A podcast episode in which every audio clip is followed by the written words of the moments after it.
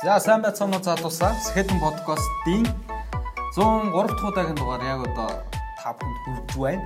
Тэгээ энэ удаагийн дугаараар 101 дахь дугаар дээр надтай хамт одоо би бүхний урилгыг хүлээж аваад өөрийнхөө айлтсан хэрхэн бэлдсэн тэгээд айлцсан оноогоо авсан тэр туршлагаа хуваалцсан зулаа дахин одоо амлсан ёсороо оролцож сонсох ур чадвар болон бичих ур чадвар ярих ур чадвар За унших ур чадвар гэдэг энэ нөгөө үндсэн дөрвөн ур чадварыг хэрхэн үр дүнтэйгээ сайжруулах уу гэдэг одоо өөрийн үнэтэй зөвлөгөөгөө өгөхөөр дахин надтай хамтарч хөтлөхөөр одоо бидний урилгыг аваад сууж гаад маш их баярлалаа. За баярлалаа тавина.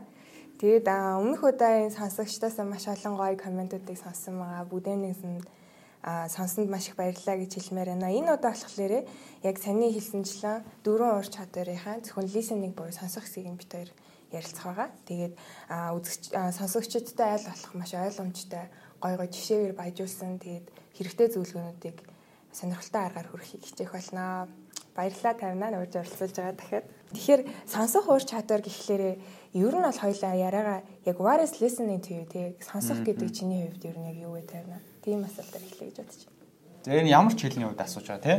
Сонсох. Ямар ч хэлний хувьд тий мэдээж бол мэдрэхүү нэг эргэтэн сонсогч чадвар бол бидний мэдрэхүү нэг эргэтнээс гадна орчин тойронд байгаа одоо багаас л бид нар чинь 2 3 настайгаас ахвал нөгөө мэдээ орно гэж ярьдаг. Тэр цагаас эхлээд орчныхоо дуу одоо мэдэрч эхлээл Тэгэл тэр болгоноос мэдээллийг одоо өөртөө шингээж явж байгаа нэг үйл явцлын шиг санагддаг. Тэр өөрөө мэдчих мэдэхгүйсэн тэгээ тэр хоёр нэг настай хүүхэд гэсэндээ өөрийн мэдлгүй тэр олон сонсож байгаа мэдээллүүдээ тархиндаа аваад тэр нь тэгээд тархин дотор одоо боловсрогдоод зарим нь мэдээлэл бол чадгалагддаг урт хугацаанд богино хугацаанд за зарим нь бол мартагддаг ч юм уу. Тэгэхээр яалчгүй мэдээллийг өөртөө хадгалж авах боловсруулах нэг том ур чадвар гэдэг нэг ухаа. Түүнийг л би сонсох гэж хэлж байна. Яг зөв. Ер нь бол яг чиний хэлдэг зөвлөдөө Одоо жишээлх юм бол хүн одоо ямар нэгэн хэлээр communication хийжтэй те одоо ямар ч хэлээр хамаагүй. А гэтэл тэр хэлийг яг ингээд чиний өөрийнхөө илэрхийлж чадахын дөрвөн одоо скиллээр илэрхийлэх ингээд илэрхийлэх одоо хугацааг нь процентлоод гаргацсан байх юм бол яг 9%-ийг нь л ерөөсөө чи яг тэр бүх одоо амьдралынхаа турш хэрэглэх тэр хэлийг хэрэглэх хугацаагаа 100% гэж үтгэх юм бол 9%-ийг нь л яг writing дээр буюу одоо бичих зөвлөлд зарцуулж өнгөрөөдөг байх нь. А 16%ийг нь унших зүйл зарцуулдаг. А тэгээ 30%ийг нь speaking буюу ярьж өнгөрөөдөг бол хамгийн чухал буюу дийлэн хугацаанд буюу 45%ийг нь ерөөсөө сонсож өнгөрөөдөг байх нь. Тухайн хэлээр яригдчихэж байгаа мэдээллүүдийг. Тэгэхээр өөрөөр хэлбэл сонсох гэдэг болохоор чиний мэдээлэл боловсруулахаас гадна эргүүлээд тэр хэлээр өөрийгөө илэрхийлэхэд чинь хамгийн том тусал одоо түлхэц болж өгөх хамгийн чухал скил болж өгж байгаа юм л да. За тэгээд сонсох ур чадвар дээр нэг гоё тодорхойлт олсон. Энэ нь ямар тодорхойлт байсан бэ гэхээр ерөнхийдөө буюу generally те ямар ч орны хэлийн ямар ч орны ямар нэгэн хэлээр химбугаанч байсан ямар ч хамаагүй акцентаар ямар ч хамаагүй одоо хурдаар те тэр бүхнээс үл хамааран чи тэр хүний ярьж байгаа юмыг ямар ч саадгүй ойлгохыг л ерөөсөө perfectly сонсох гэж нэрлэдэг байгаа байхгүй. Тэгэхээр хэдүүлээ англи хэлийг одоо IELTS-ийн шалгалт өгч тий IELTS-ийн шалгалтын дээр хамгийн эхлээд авдаг хэсэг нь болохоор listening байдаг. Энэ нь юу гэсэн үг юм бэ гэхээр бас нөгөө утгаараа ямарваа нэгэн хэлийг сурахын тулд хамгийн эхлээд бид нэр аягүй сайн сонсож сурах хэрэгтэй. Тэгэх юм бол дараа дараагийнхаа сурах процесс нь илүү сайжирдаг гэсэн тийм л утгатай байгаа даа. Тэгээ өнөөдрийн дугаар дээр хэдүүлээ яг одоо IELTS-ийн сонсох хэсэг дээр яг ямар төрлийн даалгаврууд ирдгүү. Тэгээ хэдүүлээ тэрийг ямар ямар одоо ур чадваруудыг ашиглаад амжилттай давж чадах юм. Тэгээ би магадгүй энэ 30 минутын хугацаанд яг бүрэн 100% мэдээлэл өгөхгүй гэж магадгүй. Гэхдээ болвол зөв зөв ID-нуудыг цаашдаа бэлтгэж чинь хэрэгтэй ID-нуудыг оруулъя гэж бодож байгаа. Аа. Хоёлаа IELTS руу шууд орохоос өмнө найзансаа чиний яриаг сонсч жоод нэг ийм санаа төрлөө. Санаа гэхээсээ илүү асуулт Жишээ нь миний хувьд сонсох дээр ямар алдаа илүү гаргадаг вэ гэхээр одоо ч гаргадаг анзаардаг. Тэр нь англи хэл дээр гадаад мэрэгжилтэндээ харьцаж байгаа заага заавал гадаад мэрэгжилтэн нөө мэрэгжилтэн гэхээс энэ гадаад хүнтэй харьцаж байгаа тохиолдол. За энэ хүн яриад дуусангууд би яг юу хэлэх вүлээ? Яаж асуултанд нь хариулах вүлээ гэдэг ч юм уу. Нөгөө жоохон паникт орчдог. Тэгэнгүүт нөгөө яг 100% тэр хүн надтай ярьж байгаа тэр хүний яриан дээр би нэг өстө анхаарлаа 100% төвлөрүүлж чаддаг гэсэн үг байхгүй. Тэгээ нөгөө дараа дараагийн яриагаа боддог ч юм уу ингээд нөгөө хүний яриан дээр төвлөрөхгүй за энэ хүний яриа дуусангууд би өөрийнхөө санааг тэгж илэрхийлнэ гэд оюун санаа маань өөр газар яваад шүү дээ. Тэр үеүүдэд би алдсан байдаг. Яагаад тэгэхээр нөгөө хүний яриаг 50%, 60%, 70% ойлгоцсон байдаг. Тэгэл дахиад асуудаг. Сая юу гэж хэлсэн бэ? Гэх мэтлэн би яриан дундаа бол сонсгол дээр маш их тийм алдаануудыг гаргадаг санагдсан. Тэгээ сүүлд нэг TED Talk сонсож байхад бас үүний талаар энэ нэр нь юутай холбоотой юм бэ гэхээр илүү айцтай холбож үүнийг тайлбарлсан байсан. Тэгэхээр айдас гэдэг тэр зүйлээ даваад 100% тэр одоо найстайгаа ярьж байгаа юм шиг тэр хүний яриаар 100% анхаарал, оюун санаа тэр 5 мэдрэхүй байж болох бүх мэдрэхүйг анхаарлаа төлрүүлэх гэж хичээ гэж.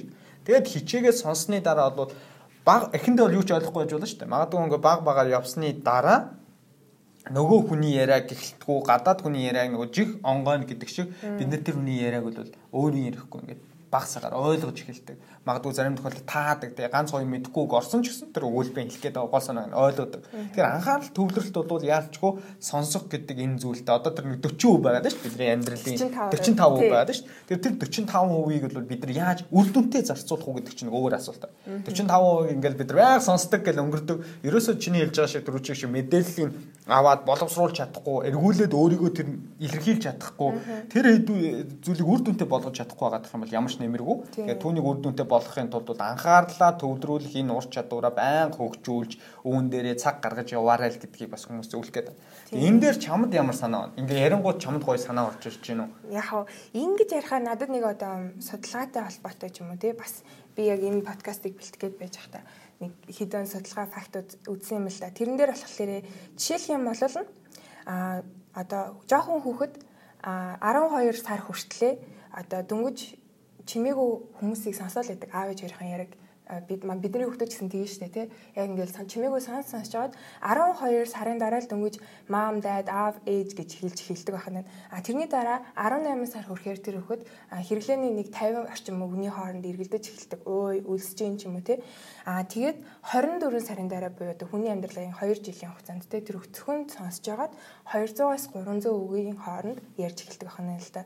Тэгэхээр эндээс юу хэлэх гээд байгаа юм бэ гэхээр тэр хөхөд эхнээс нь ер нь ямар ч хүн төрчөөд яг тухайн орныхаа хэлээр perfectly би монгол хүн байсан гэсэн хэрвээ би Америкт төрсэн байсан бол англи би монгол хэл биш би англи хэлийг илүү сайн яг ингээд perfectly сурсан байна. Тэгэхээр өөрөлд би амьдралын 2 жилийн зөвхөн тэн дээр сонсож фокуслж өнгөрөөсөн биз дээ. Тэгэхээр сонсох тасалаа үнэхээр сайжруулъя гэх юм бол маш их сонсох хэрэгтэй гэдгийг эндээс хүмүүс бол харж байгаа. А түүнчлэн хэрвээ таны хөгтөж байгаа одоо 18 сар хүрчээд те 50 орчим мөнгөний хооронд ярьж чадахгүй ерөөсөн юм бүр юм мьют чимээгүй байгаад ах юм бол энэ бол асуудал болж ирд юм байна л да эцгийн хувьд. Тэгээд эмчтэр хүүхдэд дагуулад очихоор энэ чинь юу зөвлөдөг вэ гэхээр та хоёр хүүхдийн хажууд ярихгүй байна. Хүүхд ч юм бол асуудалгүй. А ихэнх тохиолдолд Хийг тохиолдолд хүүхд чинь бол асуудалгүй байна. А та хоёр хүүхдийн хажууд ярихгүй байна. Хүүхдээ сайн ярилцах хэрэгтэй гэсэн. Өөрөөр хэлбэл бид нар ямар нэгэн хэлийг хятад ч юм уу, японч юм уу сурахыг гэж байгаа бол тухайн хэллээсээ өөр ингэсэн аав ээж хоёрыг сонгох хэрэгтэй байна л да. Яг байнга ингэж өөрөлдөө сонсох хэрэгтэй гэсэн. Яг ингэж нэг гэр бүлийн чинь нэг гишүүн байгаа юм шиг л тэр хэлийг өөрийнхөө амьдралын нэг хэсэг болгоод сонсоод чимээгүй ингэ сонсоод байх юм бол явандаа чи өөрөө тэр сонссон юмнаас ингээд баг багаар яг жоох хөвчиг. Одоо тэр хэлийг сурж байгаа хүмүүс бид нар бол жоох хөвтөхгүй тий. Тэгэхээр яг ингээд баг багаар жоох хөвчиг ингээд баг багаар хэрэглээний 50 хөвтэй дараа нь 200-аас 300 хөвтэй болоод ингээд ингээд явах юм бол энэ нь өөрөө эрүүл хэл суралт болж эхэлж байгаа гэж одоо би бодож байна. Ер нь бол ийм судалгаа байсан. Бас нэг өөр төрлийн судалгаа. Энэ болохоор Харвардын эрдэмтэд хийсэн юм билээ. Хүмүүсийг хоёр групп болгож хуваагаад тодорхой нэг шинэ хэл сурж байгаа хүмүүсийг. Тэгээ 2016 онд хийсэн судалгаа Испани хэл сурж байгаа хүмүүсийг хоёр групп болгож хуваагаад эхний групп басан хүмүүсийг өдөрт ерөөсө 10 минут тухайн Испани хэлээр одоо ялангуяа Испани хэлэнд чинь B, D хоёр хүлээг чинь P, D, P, B гэдэг өсгөнүүдийг ингээд нэг айгу хурдтай хэлдэг болохоор ялгаж сонсоход айгу хэцүү байдаг. Яг тэр үгнүүдийг төлхөө орсон үгнүүдийг одоо нөгөө нэг нийтгсэн тийм жижигхэн аудиог 10 минут яг нэг групп нэг групп хүмүүст нь нэг сарын турш сонсгосон байна. А нөгөө сарын нөгөө хүмүүс нь болохоор яг тэр P үсгийг тодорхойлсон үг, B үсгийг тодорхойлсон үгнүүдийг яг одоо нэг цагийн турш зөвхөн яриулж ингэж бэлдүүлсэн байгаа байхгүй хоёр групп хүмүүсийг яг нэг сарын турш өдрөө алга нэг групп нь цаг зарцуулсан а нөгөө групп нь 10 минут зарцуулсан а гэтэл сарын дараа тэр хоёр группийнхаа хүмүүсээс эргүүлээд шалгалт авахд сонссон хүмүүс нь гайхамшигтайгаар нөгөө бүр групп хүмүүсээсээ бүр хамаагүй илүү их ялгааг нь ойлгоцсон илүү их одоо хэрэглэж чаддаг болсон байна гэсэн. Тэгэхээр өөрөөр хэлбэл хүн нэг амтаа хоёр чигтэй шүү дээ тий. Тэгэхээр сайн сонсох хэрэгтэй л гэсэн үг байгаа байхгүй юу? Уусаа цаанаасаа тэг заяагцсан. Тийм. За тэгэхээр бас энэ дээр бас нэг одоо positive information тийм одоо давуу тал гэх юм бол юу гэдэг вэ гэхээр сонсох чадвар бол бусад скиллүүдээс хамгийн урд өгч боломжтой. Яг тэгэхээр чи сонсож байгаа тохиолдолд давхар өөр юм хийж болно. А тэгээ дээрэс нь чи заавалчгүй нөгөө нэг тархиа ашиглах шаардлага байхгүй. Чамаас бол гарах ямар нэгэн тийм energy source байхгүй байхгүй. Зүгээр чи гаднаас мэдээллийг цуглуулж авна л гэсэн. Ингэхдээ мэдээж нөгөө нэг ялгаануудыг ойлгоно, өгнүүдийг catch up catch up хийх гэж оролдоно гэх мэтчлээ. Тэгэхээр ер нь бол айгүй easy хурдтай хөгжүүлж болох скиллүүдийн нэг юм аа л гэж хэлж байна. гэж бодож байна. Үүн дээр сая яриан дундуур нөгөө бид хэддээс энергис шаардахгүйгээр бид хэд сурах боломжтой нэг зүйл гэж байна те.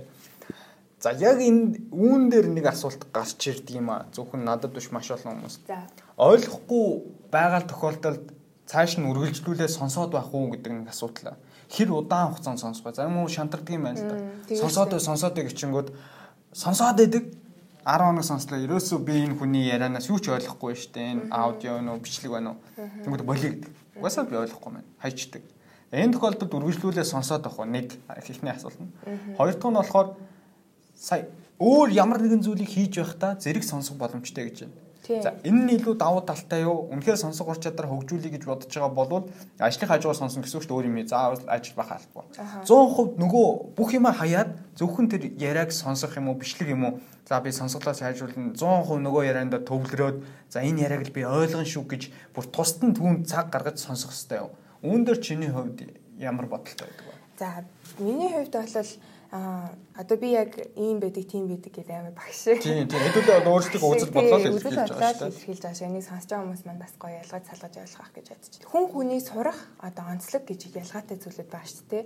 Зарим хүмүүс болохоор ийм байд юм байна л да. Зарим тамирчтай хувьд жишээлх юм бол одоо нөгөө а юу Америк хөлбөмбөг тоглолтог тамирчдын тийм Netflix дээр байдаг аягүй гоё зурлаад байхгүй. Тэрийг үзэж хахад болохоор зарим тамирчдад хичнээн ядарч сулдчихсэн ч гэсэн өдөр алган яг нэг цаг үгээд нэг цаг одоо гантел өргөдөг ч юм уу тийм нэг хардкор тасгалууд байна шүү дээ. Яг адилхан тийм хэмжээний өдөр алган яг нэг тасгалыг ингээд хийгээд ах юм бол 6 сарын дараа тэр хүмүүс хийгээ сурчтай юм байна л да а зарим тамирчдын хувьд болохоор яг нэг сар ингээд ингээд ингээд нэг яг нэг л арга барилаар нухаад ах юм бол тэр хүмүүс бүр эсрэгээрээ биеийн муудаад хонгон дээр натаг гараад тэгээд бүр мяараад юу бэлтгэлтэй явах бүр ингээ багасаа хасагдах хэмжээнд очт юм байна л да. Тэгэхээр хувь хүн хүн болгоны сурах арга барил өөрөө. Тэгэхээр та нар ингээд нөө хүмүүсээс шууд энэ подкастыг сонсноо аа за за зулаа 52 ингэж хэлж байгаа юм. Би тэгвэл ингэн гэж бодож болох байхгүй. Яг өөрөө өөртөө таарах, тохирох тэр л юм болох хэрэгтэй. Миний хувьд бол мэдээж 10 минут ямар ч юм ингээ ойлгохгүй юм 10 минут сонсоод чи өдөр болгон шал өөр өөр 10 минут ингээд өөр өөр 10 информашн 10 л ингээ ойлгохгүй өнгөрөөснөөс яг 10 өдрийн турш нэг информашн 10 минутын турш сонсвол магадгүй 10 дахь өдрөө чи сурч чадна. Аа тэгээд бас тэрнээс гадна амьдрал чинь өөр аим гоё уян хатан байх хэрэгтэй шүү дээ ингээл өдөр алга ингээл заримдаа наар гараад заримдаа бороо ороод цаг агаар хүртэл юм гоё уяатаа өөрчлөгдөд тах чаа. Бид нэр яг ингээл за би зөвхөн сонсохоос сонсголоо сайжруул ингээл зөвхөн ингээл юмаа сонсоод ингээ мочиг агаад иж болохгүй байхгүй. Бас жоохон смарт ажиллах хэрэгтэй шүү дээ. Work smarter not harder гэдэг шүү дээ. Тэгэхээр өөрөөр хэлэх юм бол чи нэг юм нэг материал барьж аваад сонслоо 10 минутын материал нь окей чи ойлгохгүй байна Тэгвэл чи тэрнийхээ скриптийг олж авч болно шүү дээ. Нөгөө бичсэн. А тэгээд тэндээсээ чи үнэхээр catch up хийж чадахгүй байгаа өгнөдөө орчуулад утгыг нь ойлгож болно. За окей би энэ өгнүүдийг ойлгочлаа. Им им им яриад байгаа юм. Дахиад сонсоод үзье. Гэх мэтчлээ. Одоо үгээ орчуулаад тэрийгэ эргүүлээд нөгөө сонсож байгаа юмтайгаа нэгтгэж ингээ гоё хослуулад ингээ аюу гоё тийм өөр өөртөө тийм би өмнөх пас подкаст нэр аягүй хилцсэн байлээ сонссон чи өөрөө өөртөө тийм хэцүү байдал үүсгэлгүйгээр л амар гоё сурах хэрэгтэй л гэж хэлмээр. Тэгэхгүй бол яг үнэндээ миний хувьд ч гэсэн би яг тэр яг өдөр болгон яг нэг програмын дагуу яваад идэг тамирч тамирч тэгээ явж байгаа сүүл рүүгээ ингээд бүр ингээд цөмрөө дундаг тамирчдуудын нэг юм шиг байгаа байхгүй. Тэгэхээр яг ингээд гоё өөртөө тохирсон тэгээ тухайн өдөр биний би өвдсөн байж болно шүү дээ. Тэгвэл миний би өвдөж байгаа юм чинь би заавалжгүй 30 үеч хийх хаалбгүй 30 минутын юм сонсох хаалбгүй би зүгээр айгуу гоё 3 минутын амар гоё хөвчлөлтэй бичлэг үзчихэлтэй англиар ярьж байгаа. Эсвэл би гоё комедиан сонсч та ч юм. Ингээд ингээд гоё өөр өөртөө тий өөрийгөө сонсоод өөртөө юу чамд яг юу ямар арга барил таалагдж байна. Бүхэн болгонд л тэрийг мэдж байгаа шүү дээ. Тэрийг гоё эрэлхийлж сурах хэрэгтэй. Тэгээ бол чам бол илүү сонирхолтой юм шиг санагдчих. Чи надад асуулт нь ч өгч чадах хамгийн бест ансер бол миний хувьд ийм л байна. Тэгэхээр өдөр болгон ямар нэгэн байдлаар түндээ цаг зарцуул. 10 байна уу 3 минут байна уу 2 цаг байна уу хамаагүй. Яг үнэхээр чи хараа одоо нөө чамаас хүмүүс зөндөө асуудаг гэж шүү дээ. Үнэхээр ингээд би энийг сонсоод үнэхээр ойлгохгүй байна. Би яах вэ гэд эрэл хайгуул хийж байгаа нь бол зөв. А тэгвэл арга барилаа жоохон өөрчлөлт үзэх хэрэгтэй байхгүй тий. Тэгэнгүүт чи магадгүй шинэ арга барилны заавчгүй бүр ингээд дэлхий дээр нэгдэг үү тийм гоё арга барилч байж магадгүй шүү дээ. Зарим хүн одоо баан дотор хөвтөж байхдаа бүр анхаарлын төвлөрөл амар гоё юм ойлгодог юм. Бэж болно. Энийг гоё эрэл хайгуул хийгээл ойлгодог л болох хэрэгтэй. Жишээ шүү дээ, жишээ. Тий, яг зөв зөв санал нийлж байна. Төрөүний ярьсан дасгалтай холбоотой ярианд хүн нөгөө нэг дасгалаа нэг сар игээд үр дүн гарахгүй булчин томрохгүй юм даа. Гар дээр 100 сунаагаад нэг 6 сар сунаасан гэж бодъё л та. Тэгээд булчин томрохгүй тэр тэр хүн бороо дасгал игээд байна л гэдэгтэй адилхан. Нэг арга барилаар нүдээ дээрээс үр дүн гарахгүй бол тэрийг мартаад цоо шин зүйлийг л эхлүүлэх дахиад туршиж үзэх хэрэгтэй байх л та. Тийм. За алглаа баярлалаа. Одоо хоёулаа IELTS-ийн хэсэг рүү орё гэж бодож байна. Ер нь IELTS-ийн шалгалтын сонсох хэсэг юунаас бүрддэг бүрддэг вэ? За юу юун дээр илүү анхаарах хэрэгтэй. За эхлээд бол хоёулаа бүрддэг бүрдсэн тэр бүрэлдэхүүн хэсгүүдээс нь хоёулаа яриагаа эхлэе гэж бодож байна. За тэгье. IELTS-ийн шалгалт болохоор түрүү хэлсэн хамгийн эхлээд авдаг хэсэг нь listening байгаа. За listening-ийн шалгалт нь өөрөө 40 минут үргэлжилдэг. За үүнээс 30 минутыг нь бол яг одоо аудио явдаг байгаа. Сонсно гэсэн үг. Аа за 30 минутаа сонсохдоо та яг тухайн моментод тэр ярьж байгаа юмыг нэг л удаа сонсно гэсэн. Өөрөөр хэлбэл хуурцгийг ухраана гэсэн ойлголтол байхгүй. Тэгэхээр 30 минут тэрийг сонсоод тэг тэг хоорондоо 40 асуултанд сонсонгоо зэрэг хариулж явдаг гэсэн байна. За тэрний дараагаар тусдаа нөгөө нэг бид нэр яшин шалгалт өгж байхад нэг шаблон шүү дээ тий. Тусдаа цаас өгөөд тэр цаасан дээр та өөрийнхөө одоо хариултуудаа транскрипт одоо трансфер хийх боломжтой болдог байгаа. Өөрөөр хэлбэл ингээд листинг ажиллагалт нь өөрөө 40 минут 40 асуултанд хариулдаг. Үүнээс 30-ыг нь та зөвхөн аудиогоо сонсохдоо зарцуулнаа. Аудио чинь давтагдахгүй л гэсэн. За өмнөх подкастн дээр бас хэлжсэн academic болон general IELTS нь болохоор хоёр тустай байдаг боловч яг listening-ийн буюу сонсох даалгаврын хүрээнд бол яг нэг л даалгавар өгдөг гэсэн.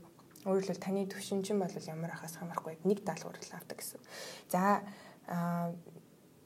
40 асуулт нь ерөнхийдөө бол заримдаа энэ нь жоохон ялгаатай. Гэтэ ихэнхдээ л 10 10-аараа 4 section болж хуваагдсан байдаг.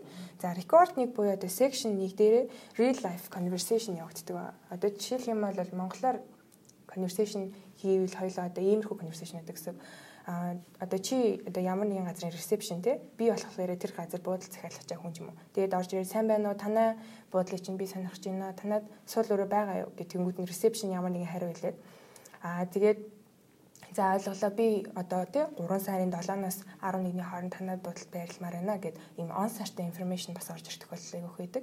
А тэгээд түнчлэн би танай өрөөний чинь би одоо өндөр зэрэглийн өрөөнд ормоор байна. Гингүүд өөдөөс нь ресепшн за өндөр зэрэглийн гэснээр манад өндөр зэрэглийн одоо зочдтой зориулсан ийм люкс зэрэглийн өндөр зэрэглийн өрөө байдаг. Эсвэл дотроо пүүлтэй өндөр зэрэглийн өрөө байдаг гэх мэтчлэн яг нэг өгсөн информашныг жоохон дэлгэрүүлээд хооронд нь ингээ ялгаатай болгонгод сонсож байгаа хүмүүс тэрийг за яг алийг хэлж яг алийг энэ хүн сонгох юм бол ингүүд би эргүүлээд за за би дотроо пүүлтэйг сонгоё гэх юм бол одоо тань зориулсан асуултанд жишээлх юм бол энэ хүний сонгосон өрөө нь ямар өрөө вэ гэсэн ч юм уу тиймэрхүү асуултууд байдаг гэсэн. Өөрөөр хоёр хүний conversation явагддаг байгаа. Энүүн дээр та яг үгсийг зөв үсэглэх те одоо нэг pronunciation те одоо нүн яг зөв дараалалаар нь өсгөнүүдэд зөв байрлуулж өсөглөх. А тэгээд on сар өдрүүдийг яг зөв catch up хийх. Тэгээ бас тоонууд уцныг тэгээ хамгийн сүүлд нь би болно штэ. За за ойлгохыг та над руу боломж гараар нэргүүлээ яриараа гэ reception дээр уцны дугаар үлдээгээд тэгээ reception okay bye гэд дуусгах юм. Иймэрхүү conversation ер нь бол явагддаг гэсэн байгаа шүү зэ. Тэгэхээр ийм real life conversation хэсэг бол хамгийн амархан хэсэг. А тэгтээ бол хамгийн эзэгтэй юмнууд нь юу гэдэг вэ гэхээр одоо тоонууд утасны дугаараа хэлэхдээ жишээлх юм бол за миний утасны дугаар 5 6 3 3 4 гэснээр oh no no it's not 4 it's 2 гэх мэтчлээ одоо нөгөө нэг дундуур нь нэг тэр хүн яг ингээд нормал юм шиг ингээд алдаа гаргаснаа за за дөрөв биш шүү хоёр юм байна гэх мэтчлээ иймэрхүү жижигхэн өөрчлөлтүүдийг оруулаад явдаг гэсэн. Тэгэхээр хамгийн эцсийн бариантанд таны яг тэр шаблоны хуудсан дээр яг зөв утасны дугаар л үлдэх хэрэгтэй байхгүй. Тэгэхээр та нар иймэрхүү conversation-ыг сайн ялгаад энэ хүн яг ямар утгаар хідэн тоонуудыг хэлээд байна. Зүгээр л хэлсэн тоонуудыг шууд бичих бол утгагүй гэсэн. Иймэрхүү байдлаар conversation явагддаг хэсэг байгаа section нэг нь. За хоёрдугаар section болохоор real life monologue буюу одоо нэг хүний да умгаасны яриа болдог байгаа. Энүүн дээр хөвчлээ юу болдог вэ гэхээр таны одоо шалгалтын материалын цаасан дээр нэг том газрын зураг ирээд те. Тэгээд тэр газрын зургийг болохоор одоо нэг олдортой цэцэрлэгт хүрээлэнгийн газрын дээрээс нь харсан план зураг байна гэж харуулад Тэгэнгүүтлээ conversation дээр монолог дээр болохоор тэр цэцэрлэгт хүрээлэнгийн ажилуулдаг гайд хүн байгаа шүү дээ. Тэр хүн за хүмүүсээ намайг дагаад яваарэ. Одоо манай цэцэрлэгт хүрээлэн рүү хідүүлэн орцгоё тий а манай цэцэрлэгт хүрээлэн рүү орохоор баруун гар тийшээгээ эргээд хэдүүлээ хойд зүг рүү харах юм бол тэнд усан сан байгаа гэх мэтчлээ одоо нэг газар зүүн байрлал орж ирдэг байгаа. Өөрөөр хэлбэл одоо таны сонсголын чинь түвш арай хүнд болж эхэлж шүү дээ. North, South, West, East гэдэг үгнүүд орж ирнэ гэсэн. Тэгээд хэдүүлээ эндээсээ уршаагаа гараад чигээрээ 3 км орчим явж байгаад ийшээ баруун тишээ харах юм бол ундаг дугуун хэсэг байгаа. Энүүн дээр зөвхөн настай хүмүүс болон хүүхдүүдийг л бид нэр хордог. Бусад одоо адуулт хүмүүсийг бид нэр хордгоо гэх юм уу тий? Одоо өөрөөр хэлбэл хүмүүсийг нөгөө зэрэглэлээр нь ялгаж эхэлж шүү дээ тий? Өөрөөр хэлбэл таны танд шаарддаг lexical resource буюу одоо нөгөө үгсийн сангийн чинь мэдлэг мэдлийг давхар арвжуулж эхэлж байгаа байхгүй юу За тэгээд цаашаагаа хідүүлээ явах юм бол бла бла бла гэх мэтчлээ айгүй олон одоо нэг л хүн ганцаараа яриад байна. Тэгсэн мөртлөөсөө тэр хүрээнд маш олон тийм өргөн хүрээний ингээд мэдлгүүдийг одоо нэг үгсийн сангуудыг ашиглаж ингэж ярьдаг байна. Тэгэхээр эндээс тань энэ үеэр тань шалгалтнаас юу шаардах вэ гэхээр те за Усан сан энэ парк дотор яг аль хэсэгт байгаа газрын зураг дээр тэмдэглэнэ үү гэд газрын зураг дээр одоо А, Б, С гэд өөрөөсөө сонголт тавьсан. Тэнгүүд нь бид нэр яг тэн дээр яг усан сан байгаа газрын дээр өсгийг шаблоны цасн дээр бичнэ гэдэг ч юм уу те. А эсвэл бол энэ ундаг догоонуудыг настай хүмүүст зориулна гэдэг нь үнэн үү ч юм уу те эсвэл насан туршаагүй жоохон хүмүүс энэ ундаг дугуйг унах боломжтой юу ч юм уу тиймэрхүү асуулт ахын бол та yes no-ыг тавьчих ч юм уу те эсвэл одоо яадаг чинь гих мэдчлэн одоо энэ асуултыг тэр хүний өгж байгаа информашн дээр тулгуурлаад асуултуудаа харж агаад хариулах хэрэгтэй ийм даалгавар ирдэг гэсэн үг байна. За Section 3 дээр болохоор илүү academic төвшний conversation болж эхэлдэг байгаа. За энэ юу гэсэн үг гэхээр ихэнх тохиолдолд би одоо Cambridge-ийн 1-ээс 12 дугаар номны listening-ийн бүх материалыг хийж үтсэн. Тэгээд бүх материалыг үзэхэд бараг л 90% нь дандаа л их сургуулийн амьдралын оюутнуудтай оюутнуудын хооронд болж байгаа яриа орж ирд юм лээ. Дандаа 3 дугаар секшн дээр нэг бол оюутнууд хоорондоо ярилцсан, нэг бол оюутнууд багштайгаа ярилцж байгаа. Тэгээд өмнөх тохиолдолд хоёр хүний conversation байсан бол 3 дугаар секшн дээр хамгийн багтаа 2 а дээшээгээ 4 хүний conversation болж явдаг байгаа. За өөрөөр хэлбэл одоо хоёулаа 50 хоёулаа оюутнууд байна шүү дээ тий. Тэгээд өө сайн уу тавина чамтай уулзаад таатай байсан шүү. Аа хоёлаа одоо газар зүүн хичээл дээрээ хоёлаа нэг баг болцсон юм байл шүү дээ. Би даалтаа хоёлаа яаж их вэ гингүүд 50-аас одоо нэг гоё ID гарч ирж болно шүү дээ тий. Одоо За хоёлаа газар зүйн хичээлээ Джон багш дээр очиж хийх үү эсвэл Амбер багш дээр очиж хийх үү гэх тэгэнгүүт нөгөө нэг одоо би сонсож байгаад за за Джон багшийн хувьд гэх юм бол Джон багш чинь ингээд жоохон амар хатуу юм байлээ штэ Джон багш чи ярьж байгаа юмнууд чинь амар хурдтай тэгээд мэдээлэл бичиж авахд хэцүү юм байлээ штэ гэснэ Амбер багш гэхдээ амар сайхан штэ зөндөө олон хүмүүстээр айгуу тийм гоё илэгтэй ханддаг юм шиг байлаа мэлээ гэж ярьж ярьж ирсэн. За за гэхдээ чиний хаад болъё да хоёлаа Джон багш дээр болъё. Гэх мэтчлэн ийм tricky conversation явагддаг байна. Тэгэхээр сонсогчид энэ дэр юун дээр алддаг вэ гэхээр мэдээж асуулт бол энэ хоёр Джон багшийг сонгосноо, Амбер багшийг сонгосноо. Тэгэнгүүт Джон багш дээр өгж байгаа комент нь болохоор жоохон сөрөг байгаа дангууд хүүхдүүд шууд окей Амбер гэд дугуулчих магадлал аяг өндөр гэдэг байхгүй. Тэгэхээр ер нь бол сонсох яг энэ 3 дахь section бол миний бодлоор хамгийн tricky, хамгийн хэцүү section дөрөөсөө илүү хэцүү юм шиг санагддаг. Яг тэгэхээр энэ дотор одоо нөгөө нэг эсрэгцсэн үгнүүдийг аяух ашигладаг аноним синонимуудыг тий Джон багшийн л ийм тийм ийм тийм гэж ярьж ирсэн. Гэтэ чиний хаад болё би even though I don't like John I would choose him because you prefer him гих мэдчлэн толгой эргүүлдэг. Тэгэнгүүт хүмүүс okay I don't like John гэх тэгэнгүүт John багш дөрөв юм байна. John багш биш амар багш юм байна гэж сонгох магадaltaй болдог гэсэн үг байхгүй. Тэгэхээр хэдүүлээ энүүн дээр яаж анхааруул зүгээр юм бэ гэхээр хүмүүс яг сэтгэл хөдлөлөө гаргахдаа яг эерэг утгатай үгийг ямар үгээр хэрэгжилж байна, сөрөг утгатай үгийг ямар үгээр хэрэгжилж байна. А гэхдээ яриа дуусан зуслан сонсоод тэр сэдв дуусаад тэр хоёрыг яг сонгосон хүн хинбэ гэдгийг сонгосны дараа та хоёр зөв хариулт, та нар зөв хариултаа бичих хэрэгтэй гэсэн үг аашгүй. Тэгвэл хүмүүс яарад бас буруу хариулт бичих магадaltaй байдаг гэсэн. За тэгээд тэр хоёр чинь Жон багш дээр очлоо. Жон багш ингээл тэр хоёрын яг ID-г сонсоол те ууя за ямар хөрх юм бэ юм бэ гэж сонс сонсч байсан. За газар зүйн гэрийн даалгаврыг болохоор би одоо 4-р сарын 7-ны өдөр ер нь бол би даалтыг чинь хурааж авна гэж өмнө нь 7 оны өмнө та хоёрт хурал дээр хэлсэн боловч миний энэ э, шийдвэр маань өөрчлөгдсөн байгаа. Би 5 сарын 15-нд юм уу эсвэл 6 сарын 13-нд амралтаа авна. Тэгэхээр би тэрнээс наан 4 сарын 28-нд та нараас би даалтыг чи эцсийн хугацааг авна гэдэг ч юм уу. Айгүй их информашны зэрэг өгөн. Тэнгүүд та нарын толгой иргэн энийг яг англиар сонсох юм бол амар сод толгой ирмээр өгүүлбэр болж байгаа байхгүй. Тэнгүүд асуултан дээр чинь мэдээж окей би даалт өгөх сүүлч явах цаа хизээ бэ. 4 сарын 7 нь 4 сарын 28 нь 5 сарын 15 нь 6 сарын 13 нь тий. Тэгэнгүүт бүх он сарын хилцэн байдаг. Жишээд яг алийг би сонгох болчоо гэд. Тэгээ энэ өндөр гих мэтчлэн одоо сонсож байгаа хүмүүсийн шалгалтын дээр одоо одоо яг жинхнээсээ сайн сонсч үе гэдэг шалгахын тулд айгүй олон материал айгүй тийм трики бэлдсэн байт юм лээ. Тэгэхээр та нар энийг сайн сонсож байгаа зөв хариулт нь 4 сарын 28 юм байна гэдгээ өөртөө олж чаддаг л болох хэрэгтэй гэсэн үг байхгүй. Тэгэхээр 3 дугаар хэсэг дээр бас нэг анхаарах хэрэгтэй юм байна.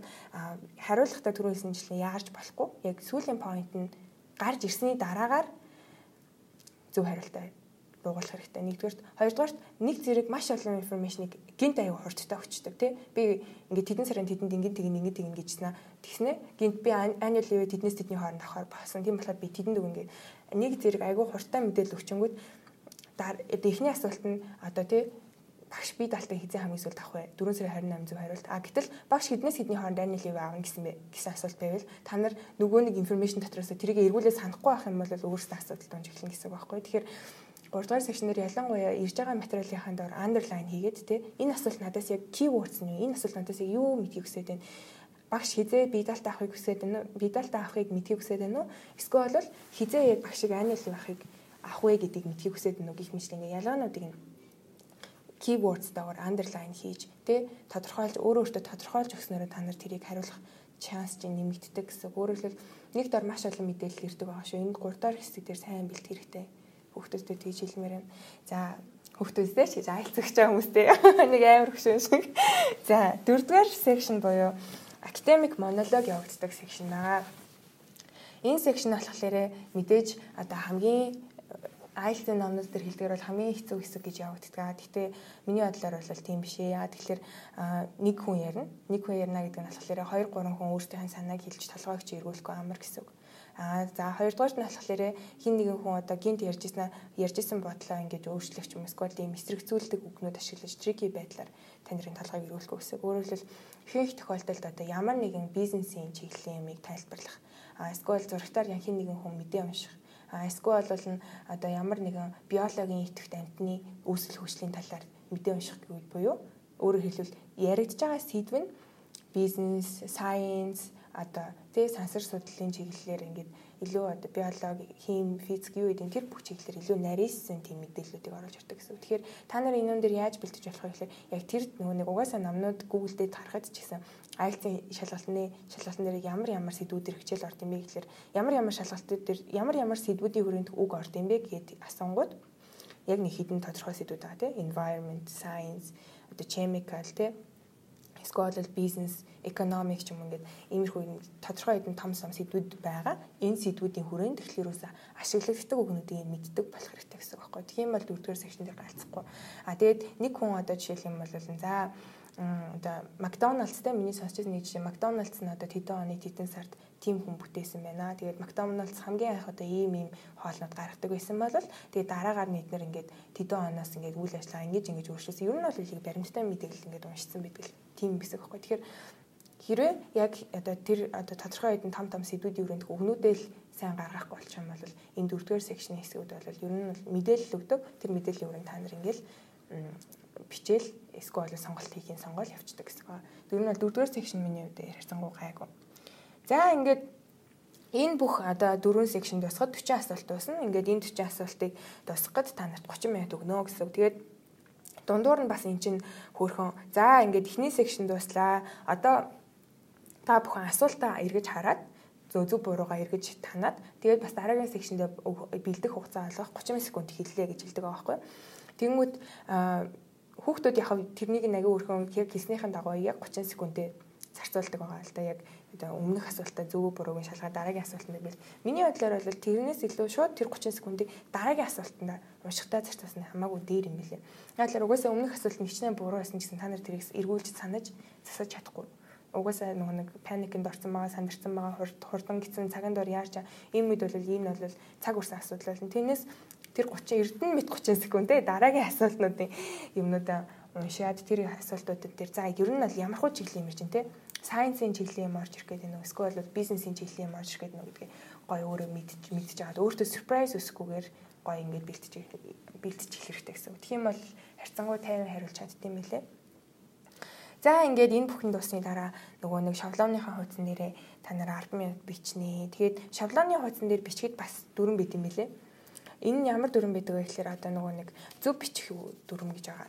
За хэрвээ таны conversation дээр чинь одоо хоёр хүүхэд хоорондоо ярьж байгаад хамгийн ихний conversation дээр ч юм уу тий. Хоёлаа дэлгүүрээс юу авах вэ? Окей, бананаас авъя гэд хэлсэн бол хэрвээ та зөв хариулт энэ банана гэж сонсон ч гэсэндээ артлал нь S буюу олон тооны загвар үгийг Тэ тэр ярьж байгаа хүн бананаас авья гэж хэлсэн бол та заавалчгүй тэр Есүсийг бичнэ гэсэн. Өөрөөр хэлбэл бананууд авах гэдэг юм уу эсвэл нэг банан авах гэдэг юм уу гэдэг чи өөрөө хоорондоо аягүй ялгаатай болчихно. Аа окей. I wanna buy a banana гэж хэрэг хэлсэн бол та окей нэг банан авах юм энд ойлгочлоо. Тэгвэл та ганцхан банана гэж бичсэн бол бас болно. Яг л нэг гэдэг юм чи урдаа A гэсэн өгтөртэй байдаг те. A banana гэж бичих хэрэгтэй. Гэх мэтчлээ. Иймэрхүү трик юмуд байдаг. Энэ болохоор аа одоо нөгөө нэг айгүй олон байдаг болохоор яг энэ подкастнда багтаагаад яг зөвлөчмөр юм юу юм бэ гэхээр ерөөсө том усгээр хариултуудаа биччихвэл айгүй зөв юм байлээ. Тэгэхгүй бол одоо нөгөө нэг цаанаасаа дөрмээр болохоор хэрвээ чи тайвна одоо энэ шаблоны хоцсон дээр те одоо нэгээс 40 дэх асуултан дээр нь бүдэн дээр нь жижиг үсгээр бичгээр шийдсэн бол чи бүгдээрэн дээр нь л жижиг үсгээр бичих хэрэгтэй. А гэтэл дундуур нь жишээлбэл хүний нэр явж ивэл мэдээж хүний нэрийг дөрмийн дагуу том үсгээр эхэлдэг те. Гэтэл яар сандарч байгаад бид нэр хүний нэрээ ч гэсэн жижиг үсгээр бичиж явчих юм бол оноог алтна гэсэн зөв хүний нэр байсан ч гэсэндээ. Тэгэхээр бүр ингээд миний яг энэ олон дүрмүүдээс баримтлсан ганц дүрм нь бүгдийн л том үсгээр бичиж болно. Бүгдийн том үсгээр бичиж бас болно. Тэгэхээр бүгдийн том үсгээр бичиж юм бол харьцангуй толгой өгдөг намар юм билэ. За тэгээд хүүхдүүстэй бүр энэ хүрээнд бүр зөвлөж хэлэхэд заавалчгүй Google-с ч юм уу ямар нэгэн номноос яг шаблоны хуудсан дээр ингээ бид нэр яаж бүглэх хэвтэй бэ гэсэн дөрвөн байт юм байлээ. Эсвэл хин нэгэн илүү мандаг айлц заадаг бүр мэрсэн багшаас нь асуух хэрэгтэй шүү. Тэгэхгүй бол ийм үгээ catch up хийчээд идэг ийм жижигхэн алдаанаас болоод бас оноо алдвал утгагүй шүү дээ тий. Энийг бас анхааруулмаар санагцсан лисингийн үрэн. За одоо хоёлаа сонсоод энэ хэсгийг ингээд ерөөхдөө тайлбарласан юм чинь зөв жишээ ойлгох маягаар түрүүн ярьсан шүү дээ тий. Нэг жижигхэн тестийн хэсгийг хоёлаа яг бодит хэсгийг оруулаад үзэх үү. Тэгээд одоо сонсогчд маань энэ хэсгийг сайн анхааралтай сонсоод үзээрэй. Аа. За тэгээд бол хамтдаа сонсоод үзье. За. I'm afraid I missed the advert for the job but heard about it from a friend. That's no problem at all. What would you like to know? Well, um, what sort of work is it? Washing up? It's answering the phone. Oh, right, fine. And not waiting at table. За манайхаа одоо тэрийг саний хэсгийг сонсон байхаа гэж бодож байна. Тэгэхээр залуугийн асууж байгаа хэсэг болохоор what sort of work is it гэж асууж штэ. Тэнгүүт нөгөө reception хүн хариулахдаа is answering the phone гэж хариулж байна. Тэгэнгүүт та нарын шалгалтын материал дээр чинь what type of work is he gonna do гэж хэлсэн маа. Өөрөөр хэлбэл what type of what sort of гэдэг хоёр одоо ойролцоо утгатай синоним хоёр үгийг ашигласан байгаа гэсэн үг байхгүй. Тэгэхээр Өөрөөр хэлбэл sort of гэдэг үгийг чи ойлгож байна те ямар төрлийн а тэгвэл what type of гэдэг үгийг бас ойлгодог байх хэрэгтэй гэсэн. Өөрөөр хэлбэл ойролцоо утгатай өгнөд, эсрэг утгатай өгнөдийг үндснээрээ иймэрхүү яг ер нь шалгалтын бүтээц яг энэ дээр л айгу тоглосон байт юм билээ. Энийг үгээр төлөөлүүллээ. Асуултан дээр нөгөө төл үгээр төлөөлүүллээ. Тэгээд тэр хоёрыг хоёулангийн чинь мэдчихвэл ерөөсөө энэ хоёр асуулт хариулт хоёрыг хооронд нь холбож чадна л гэсэн үг байхгүй юу? Тэгэхээр зөв хариулт бол answering the phone гэсэн хариулт байлаа гэх мэтчлээ. А гэтэл хэдүүлээ type of work гэдэг үгнийхээ утгыг ойлгохгүй бол үнэхээр зөв хариултаа эндээс ялгаж чадхад аягүй хэцүү болчих жоох байхгүй. Тэгэхээр sort of work гэдэг үг нь өөрөө хизээч асуултан дээрээ дахиж орж ирэхгүй. Гэх мэтчлэн ийм ялгаа байд юм а. Зүрийн нь бол ингийн л бүр хамгийн ихний асуултын хамгийн энгийн жишээ шүү манайхаа.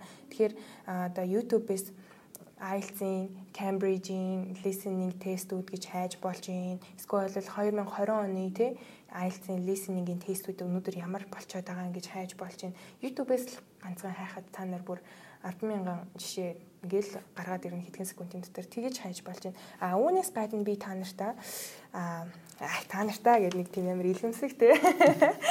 Э юу хідэн юм яг найдвартай их үүсэр буюу найдвартай сорсуудыг хайж үтсэн байгаа одоо хүмүүс зөндөл олон газраас листингээ хааж болно. Гэтэ хаанаас харах юм бол нөгөө төрөний хэлээдсэн том том сэдвүүдийн өрөндөх мэдээллүүд өгнүүд нь илүү их сонсогддсон бэ гэд судлаад үтсэн чинь ийм байна.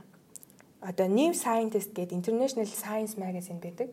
Өөрөөр хэлбэл олон улсын тийм нэг шинжлэх ухааны сэтгүүл гэсэн үг. Энэ болохоор англиас эрхэн эрхлэн гаргадаг New Scientist гэдэг.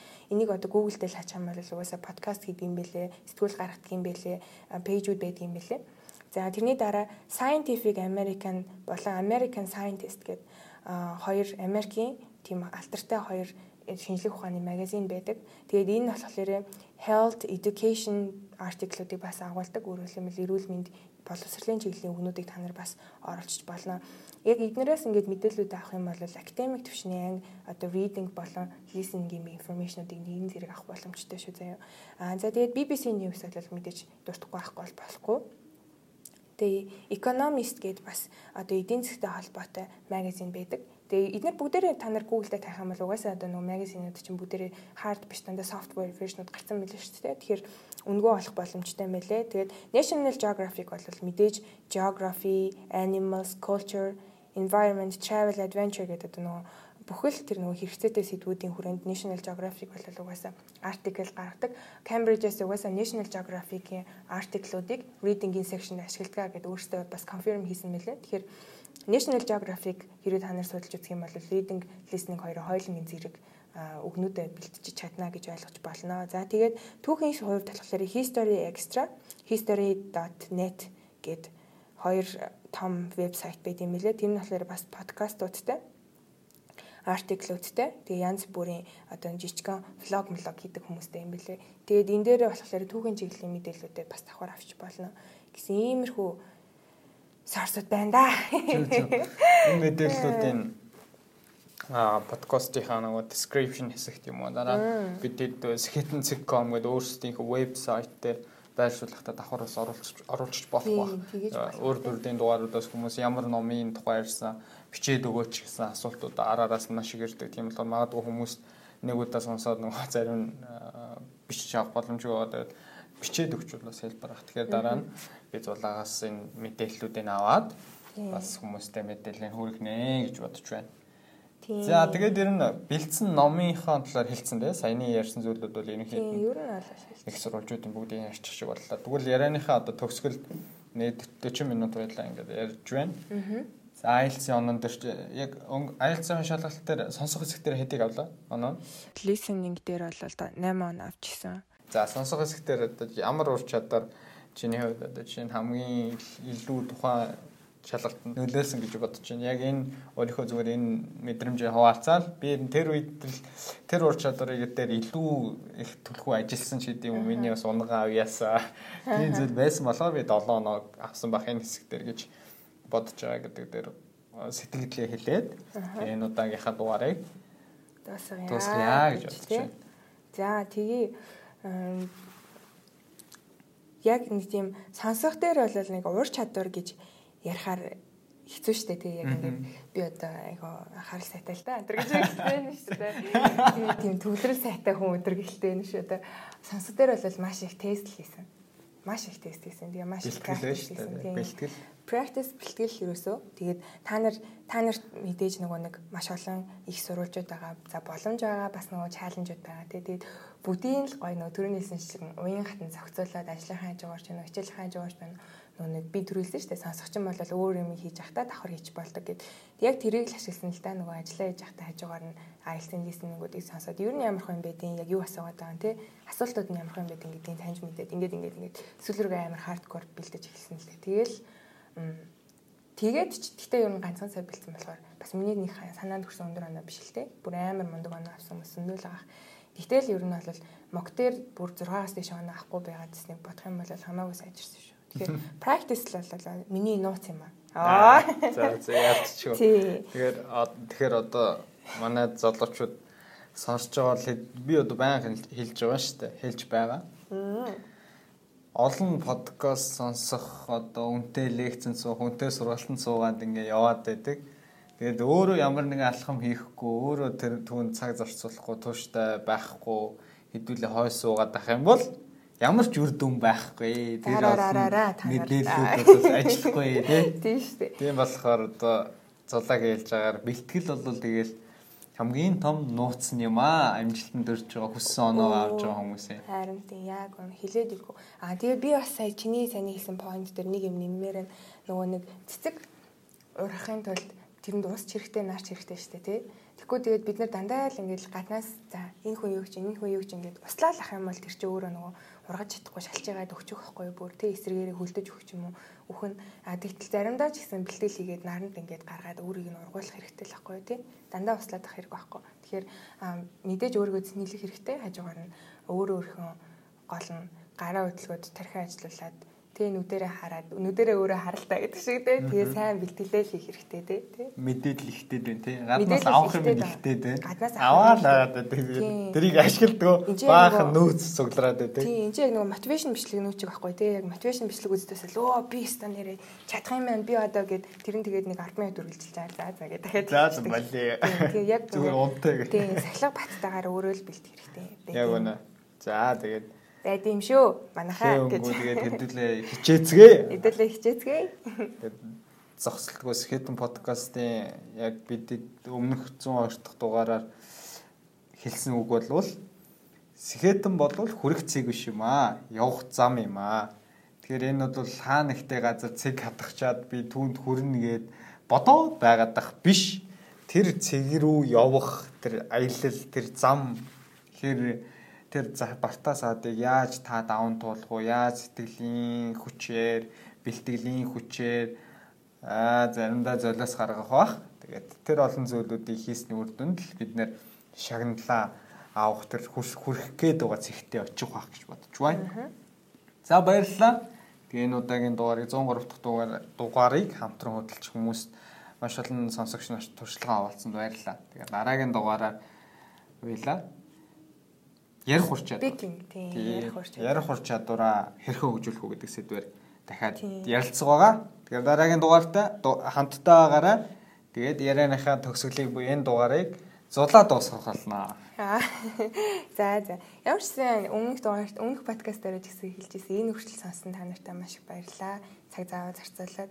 Үнэхээр өнөөдрийн энэ олон информашнтай 90 зонд хэдүүлээ бол 40 минутыг энд хаалаа төвлөрлөө зарцуулсанд маш их баярлалаа талархлаа. Тэгээд гол нь шантрахгүй яг өмнө хэлжсэн те шантрахгүй don't give up хичээгээд байгаарай гэж хэлмээр. Дараагийн дугаар дээр бүр илүү гоё информашнуудыг та нартай хүргэж байна. Баярлалаа. Баярлалаа. За баярлалаа.